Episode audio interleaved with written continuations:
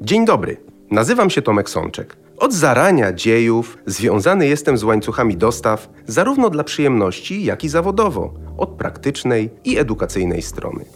Dzisiaj, jako dyrektor zarządzający, zajmuję się rozwojem na polskim rynku międzynarodowej firmy IPP. To są mistrzowie, jeśli chodzi o pooling paletowy, czyli obszar bardzo mi bliski, ponieważ związany ze zrównoważonym rozwojem i dbałością o środowisko. Trendy, innowacje, od zawsze się nimi interesowałem. Dlatego bardzo się cieszę, że mogę poprowadzić cykl podcastów kreatywnie o digitalizacji w ramach Akademii Cyfryzacji GS1 Polska. Digitalizacja, czyli krótko mówiąc, odzwierciedlenie operacji logistycznych w systemach informatycznych. Cykl ten powstaje we współpracy z Voice House, którego twórcą jest mój zacny kolega Jarosław Kuźniar.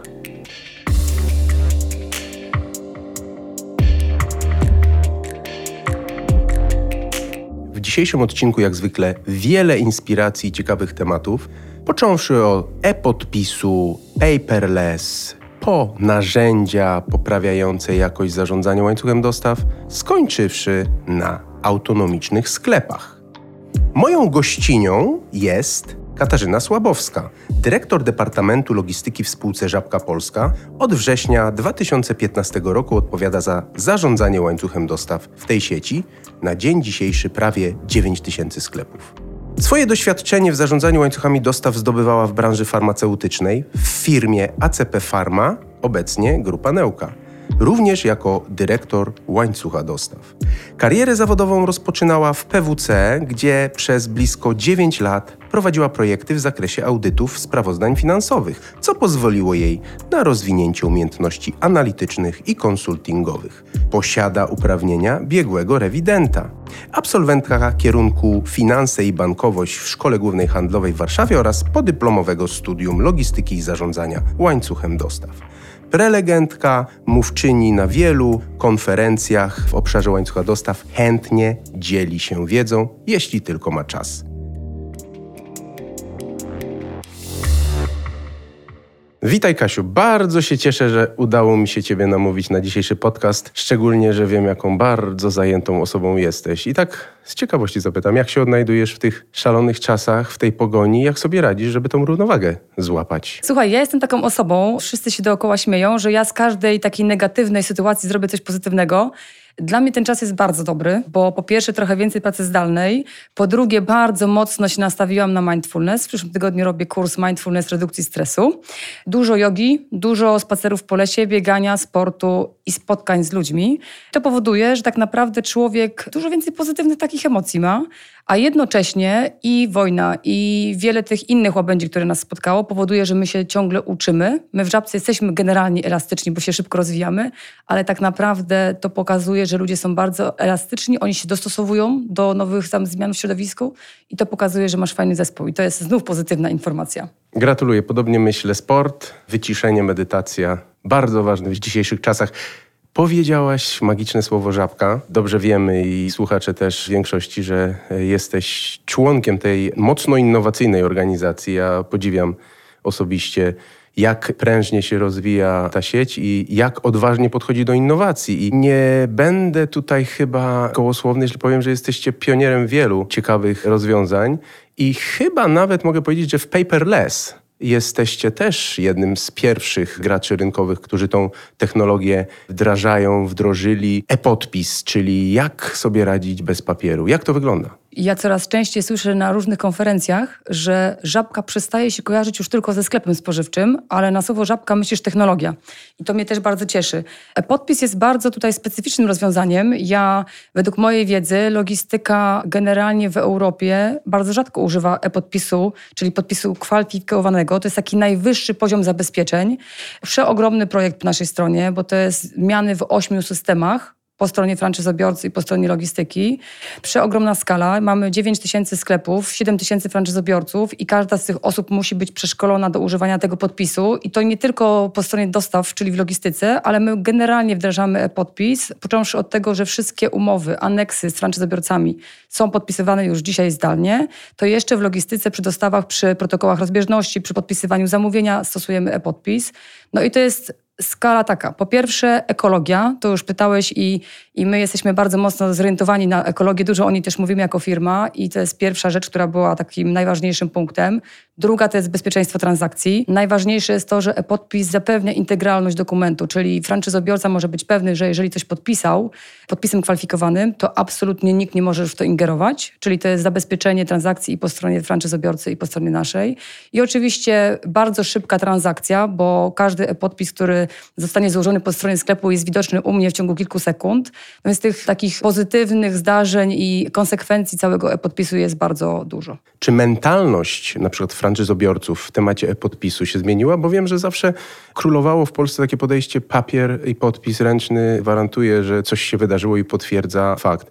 Czy to był jakiś problem, żeby przekonywać ludzi do tej zmiany? Nie ukrywam, że był. I to nie tylko po stronie franczyzobiorców, ale też po stronie kierowców czy naszych pracowników w magazynach. I to nie tyle może mentalny, że musisz mieć papier i papier podpisany, natomiast to zrozumienie, że podpis certyfikowany to rzeczywiście trochę jest tak, jakbyś używał karty kredytowej i musieliśmy bardzo dużo ludziom tłumaczyć, że nie przekazujemy swoich pinów, bo to jest karta kredytowa. Nie wolno sobie na posycie żółtym na ekranie przykleić tego kodu, no bo rzeczywiście jest to fałszerstwo i nie możemy się tym wymieniać. Więc tutaj było dosyć dużo pracy po naszej stronie. Ale z drugiej strony myślę, że wszyscy użytkownicy tego całego procesu widzą, jakie to przynosi efekty i korzyści, i, i tutaj dużo rzeczywiście edukujemy. Aż nie jestem w stanie sobie wyobrazić, ile papierów oszczędzacie w tak ogromnej organizacji, jaką jest Żabka, i tylko bić brawo i trzymać kciuki, żeby to jeszcze szło dalej, prawda? Bo ten łańcuch dostaw jest bardzo długi, szeroki i to na wielu ogniwach warto wdrażać takie tak, rozwiązania. zdecydowanie. Wiesz co, ja nawet tak patrzę po sobie. Mam mnóstwo umów do podpisania, chociażby aneksów różnych z przewoźnikami. My mamy tą strukturę transportu bardzo mocno rozdrobnioną i kolejnym moim krokiem będzie wdrożenie e-podpisu ze wszystkimi przewoźnikami chociażby, żeby to nie było tak, że ja potrzebuję zrobić 100 aneksów i ja te 100 aneksów podpisuję ręcznie. To wymaga otwartości po stronie dostawcy, dostawcy różnych usług czy towarów w przypadku ale myślę, że to jest coś, co przyniesie wiele korzyści nie tylko nam, ale tym dostawcom, więc to jest tylko kwestia czasu. Nam i środowisku przede wszystkim. Tak. Powtarzamy już wielokrotnie żabka, technologia, cyfryzacja. Wiem, że w waszej strategii te słowa są na bardzo wysokim miejscu co widzę, śledzę uważnie. Mam takie pytanie do Ciebie: jak te systemy, ta technologia Wam tak naprawdę pomaga w zarządzaniu łańcuchem dostaw? Z czego korzystacie? Korzystamy z wielu systemów i co więcej, my je ciągle albo jeszcze update'ujemy, albo my je zmieniamy i wymieniamy, bo oczekujemy jeszcze więcej rozwiązań i takich funkcjonalności w tych systemach. Myślę, że możemy zacząć od TMS-a. Wydaje się, że TMS jest takim prostym, już takim bardzo standardowym systemem i wydaje się, że bez tego nie można funkcjonować. Natomiast biorąc pod uwagę skalę naszego działania i to, że my dostarczamy do 9 tysięcy sklepów, te miejsca są bardzo trudne, często nie ma parkingów, ta godzina dostawy jest absolutnie krytyczna dla franczyzobiorcy. On musi wiedzieć, kiedy my przyjedziemy. On nie ma stałej ekipy, która rozkłada towar w sklepie, w związku z czym bardzo ważne jest nie tylko optymalne z punktu widzenia kosztowego zaplanowanie dostaw, ale również przekazanie informacji franczyzobiorcy jak najszybciej o oknie dostawy, tak żeby on przygotował sklep do przyjęcia dostawy. No i ten TMS ma w sobie bardzo dużo takich warunków. Dostawca naszego TMS-a się śmieje, że jesteśmy taką bardzo specyficzną firmą z uwagi na to, że mamy bardzo dużo takich warunków pobocznych, czyli na przykład sklep jest w centrum miasta, tam nie wiedziesz po godzinie 8. Sklep jest naprzeciwko szkoły, więc o godzinie 12 nie podjedziesz, bo dzieci mają taką przerwę i jest tłoczno. Więc mnóstwo takich różnych uwarunkowań. No i dzisiaj my planując dostawę wysyłamy SMS-a do franczyzobiorcy, o której godzinie jutro w bloku dwugodzinnym będzie miał dostawę i ta trafność awizacji jest na bardzo wysokim poziomie, więc to jest taki pierwszy bardzo ważny dla nas element. Po stronie przede wszystkim planowania samego transportu u nas, ale także pracy sklepu. Kolejny system to na pewno jest system, który nam pomaga forecastować zamówienia od franczyzobiorców. Ten poziom realizacji zamówień to jest 99%, nawet powyżej, więc myślę, że już jest prawie, że idealnie, ale jeszcze prawie. Więc w tej chwili szukamy nowego rozwiązania, które pozwoli nam jeszcze lepiej forecastować i pomagać dostawcom naszym, bo myślę, że nasz poziom realizacji do sklepów jest bardzo wysoki, ale jeszcze moglibyśmy lepiej pomagać dostawcom. Rozwijamy yard management i to yard management nie tylko po takiej stronie zarządzania dokami w magazynach, ale też chcemy zarządzać odbiorami nośników przez naszych przewoźników. Czyli jak ktoś wraca ze sklepu, możemy wykorzystać apkę z TMS-a i on może informować, o której godzinie będzie w magazynie i przyjedzie z nośnikami i będzie gotowy do podstawienia się po kolejną dostawę, bo kierowca robi czasami dwa, czasami trzy kółka. Bardzo ciekawą rzecz powiedziałaś o replenishmencie, tak? O tym, żeby sklep miał towar na czas, którego potrzebuje. Zresztą świetny wskaźnik poruszyłaś 99% realizacji zamówienia. Z perspektywy dobrze wiemy logistyki, każdy procent powyżej 96 kosztuje mega dużo. I jest sztuką wyważyć, gdzie jest to optimum kosztowo-jakościowe, ale widzę, że wy sobie doskonale z tym radzicie, bo jak słyszę mnóstwo nowych technologii innowacji wdrażacie, jesteście po prostu odważni w tym obszarze. I to jest godne podziwu. Każdy dodatkowy procent u nas gra szczególną rolę, bo to nie jest duży sklep, w związku z czym ten 1% może powodować bardzo duże spadki sprzedaży. Dlatego my inwestujemy w logistykę i w te systemy, żeby nie tracić sprzedaży, żeby ją boostować, więc po naszej stronie jest to szczególnie ważne. Nie byłbym sobą, gdybym przy okazji wszelakich systemów i innowacji nie zapytał Cię o magazyn w Radzyminie. Chyba jeden z najnowocześniejszych w Europie, jeśli się nie mylę. To, co tam wdrożyliście to ja już nawet nie ogarniam moim umysłem, mówiąc o zasilaniu energetycznym i tak dalej.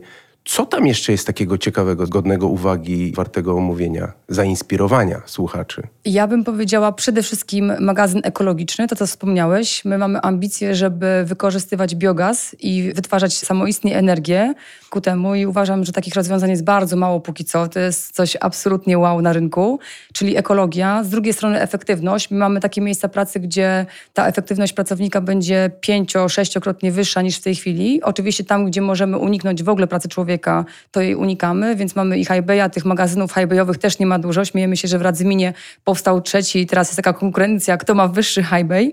Natomiast no, efektywność przede wszystkim kosztowa, operacyjna, bardzo dużo miejsc pracy tam, gdzie pracownik musi pracować, człowiek w sensie, to on ma to miejsce pracy bardzo ergonomiczne. Na tym też mi zależało. Więc no pod każdym względem to centrum jest wow. Ono oczywiście, jak mówimy już o technologiach i systemach, to właśnie ma nowy system WMS. Teraz przed nami ogromne wyzwanie, bo uruchomiliśmy już mroźnie, teraz przed nami chłodnia i ona już ma połączenie i nowego WMS-a, i technologii nowej, i automatyki, więc mnóstwo nowych obszarów do wdrożenia. Jesteśmy dokładnie w trakcie. Tam jest i silos, układnice, i shuttle, i przenośniki, cały transport wewnętrzny, więc jest tam mnóstwo rozwiązań, oczywiście goods to men, o których też wspominałeś w poprzednich podcastach, więc wszystko, co mogliśmy tam włożyć i co rzeczywiście spinało się też pod kątem finansowym i efektywnościowym jest tam zastosowane. Czyli automatyka się opłaca? Oczywiście, że się opłaca. Ja to mówię wszędzie, wszem i wobec, że bez względu nawet na to, czy ona się opłaca, czy nie, jest to absolutny trend.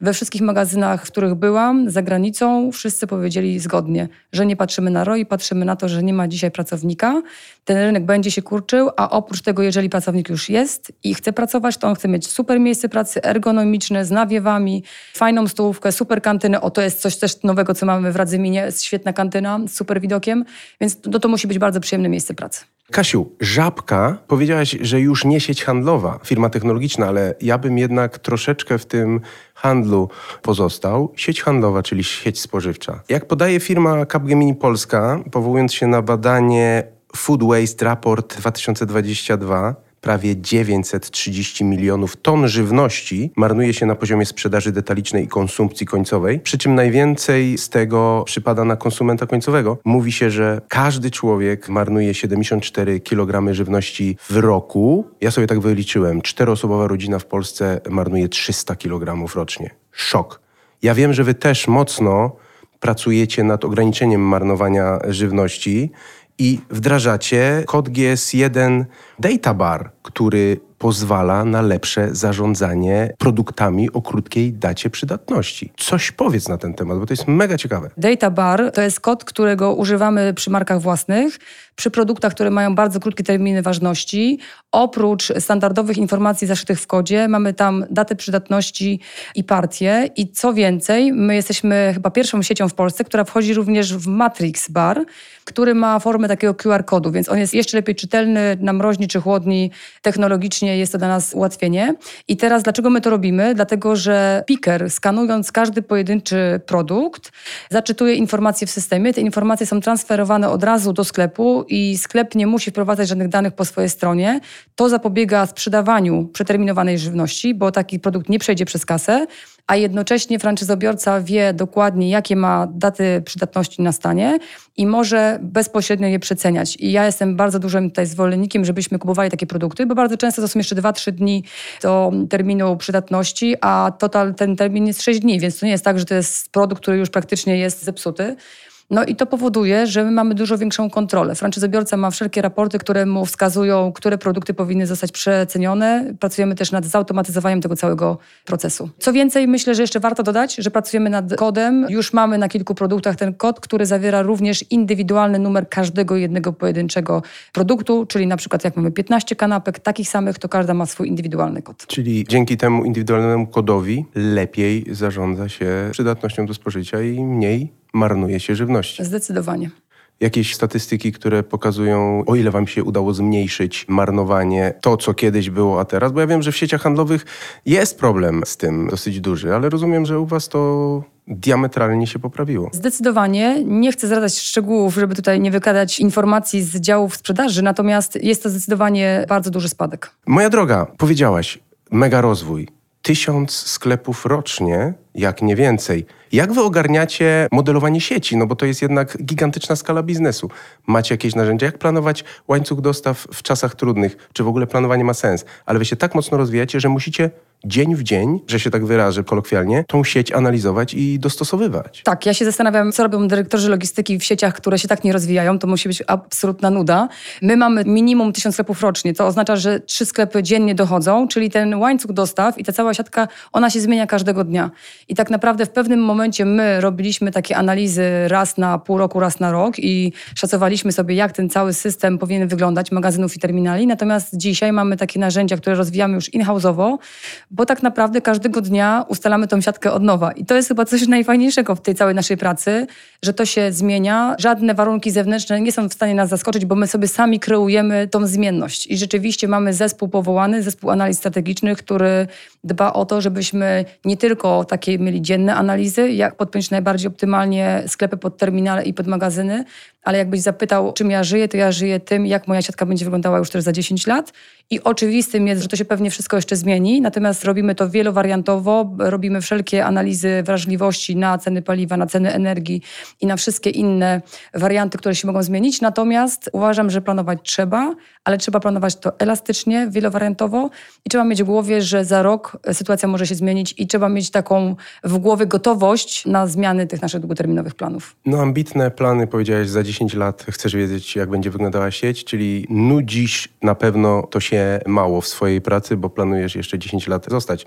Bardzo, bardzo fajne podejście. Ale słucham Ciebie i się zastanawiam, czy okiełznanie takiego łańcucha dostaw w tak innowacyjnej rozwoju sieci, bez digitalizacji technologii miałoby jakiekolwiek szanse? Wątpię. Moim zdaniem absolutnie nie. Cały rynek pokazuje, że cyfryzacja to podstawa i w tym kierunku idziemy. Ja sobie nie wyobrażam w tej chwili nawet podpisywać umów o jakiekolwiek dostawy, o jakieś usługi już dzisiaj na papierze. Ja zachęcam wszystkich moich dostawców, żebyśmy podpisywali chociażby właśnie e-podpisem z uwagi na to, że to zaoszczędza czas. W każdym miejscu, w każdym czasie możesz taki podpis złożyć i chociażby to pokazuje, że to kompletnie nas uniezależnia od papieru, od, od tego, żebyśmy się musieli spotykać. COVID nam pokazał, że trzeba być na to przygotowanym. Ale spotykać się warto, jak tylko można. Relacje w realu są bardzo cenne, do czego zawsze zachęcam, jeżeli jest taka możliwość. Kasiu, skupiamy się na łańcuchu dostaw, na logistyce, ale wcześniej powiedzieliśmy, że jednak tym może nie końcowym odbiorcą, bo końcowym jest konsument, ale tym przedostatnim ogniwem łańcucha są sklepy.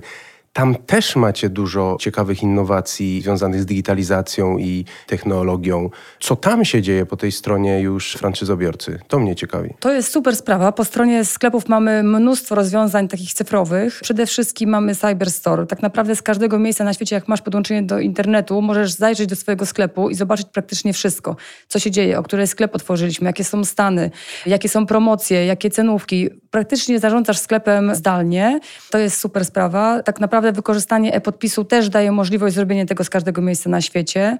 Podgląd do wszystkich raportów, które powinien mieć franczyzobiorca, kontakt z e-botami, które są w centrum wsparcia dla franczyzobiorców. No to są wszystkie rozwiązania, które powodują, że tak naprawdę franczyzobiorca w ogóle nie musi pracować na papierze. Wszystkie komunikaty z centrali, wszystkie umowy, aneksy, wszystko odbywa się zdalnie w metodzie cyfrowej. Więc ja uważam, że to jest absolutny majstersztyk. Żadna sieć nie ma tego w takim stopniu rozwiązanego i tak rozwiniętego. Teraz rozumiem, dlaczego tak dużo podróżujesz, bo możesz pracować z każdego miejsca na świecie. Tak, marzy mi się, że z jednej strony marzy mi się, żeby to było gdzieś z głębokiej Azji, taka praca i ona jest możliwa. Ja bym powiedziała, że ja bym mogła tak pracować, natomiast z drugiej strony ja sobie bardzo cenię kontakt z ludźmi, więc jednak na miejscu. Ale wracając jeszcze do sklepów troszkę, bo powiem szczerze, jestem fanem i osobiście nawet byłem w waszym sklepie Nano. Mówi się i jest to potwierdzone, że jesteście największą siecią sklepów autonomicznych w Europie.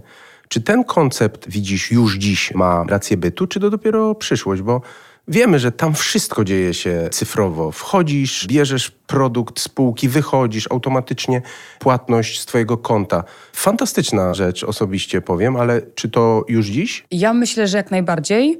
Przede wszystkim ten sklep działa 24 na dobę. Tutaj nie mamy żadnych ograniczeń. Jak wracasz z pracy, a są ludzie, którzy wracają bardzo późno, powiedzmy po północy, mogą sobie wejść i zrobić zakupy. Jednocześnie stawiamy na młodych. Młodzi ludzie dzisiaj nie mają żadnej bariery technologicznej w głowie. Oni bardzo chętnie korzystają z takich rozwiązań i ja myślę, że to jest bardzo krótka kwestia czasu i te sieci, które będą miały takie sklepy, będą wygrywały. I tu jestem absolutnie przekonana.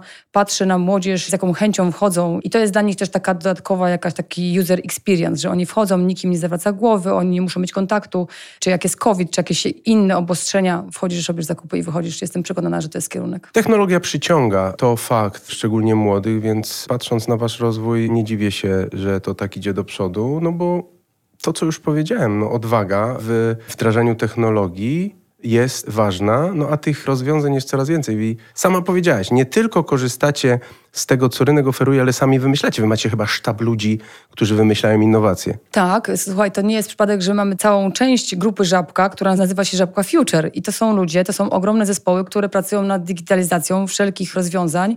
My mamy spółkę, która zajmuje się tylko i wyłącznie wyszukiwaniem startupów, które mogłyby nas wspierać w nowych technologiach na przykład.